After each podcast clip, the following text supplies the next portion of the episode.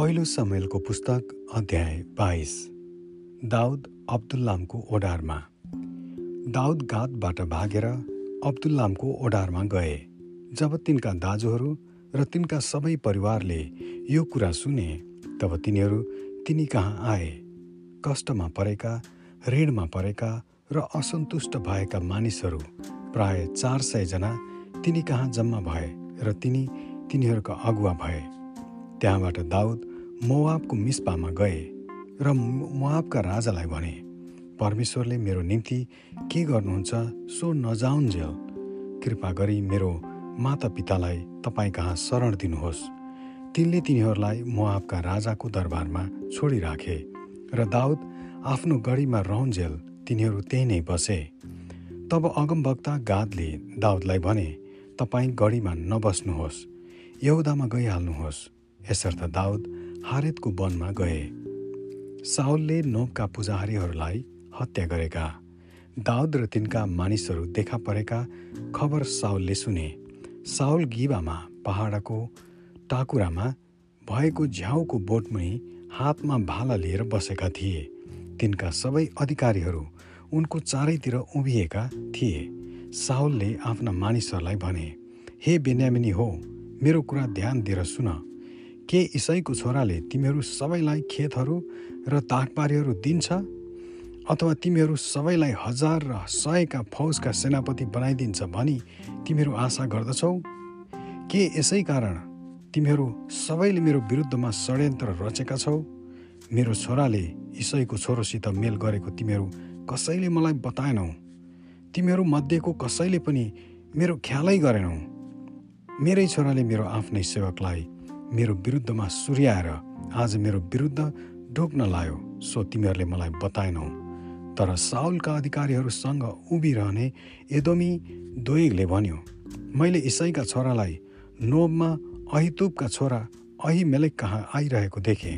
अहिमेलेकले दाउदको पक्षमा परमप्रभुसित सल्लाह मागे। त्यसपछि तिनले खानेकुरा र पलेस्ती गोयलको दरबार पनि दाउदलाई दिए। तब साउलले नोबका पुजारी अहिमेलेक र नोबमा पुजारीका काम गर्ने तिनका सबै परिवारलाई बोलाउन लाए र तिनीहरू सबै राजाका सामुन्ने आए। साउलले भने हे अहितुबका छोरा सुन।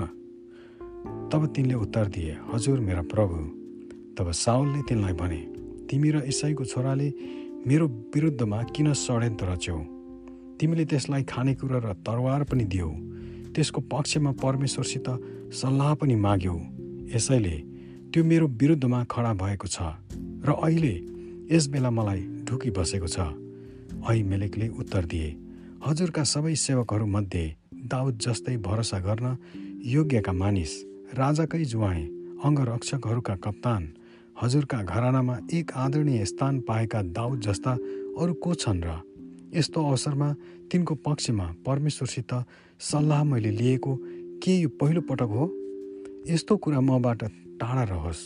मेरो आशा छ कि महाराजाले मलाई अथवा मेरा परिवारलाई दोष लाउनु हुने छैन किनभने मैले यो मामिला केही पनि बुझेको छैन।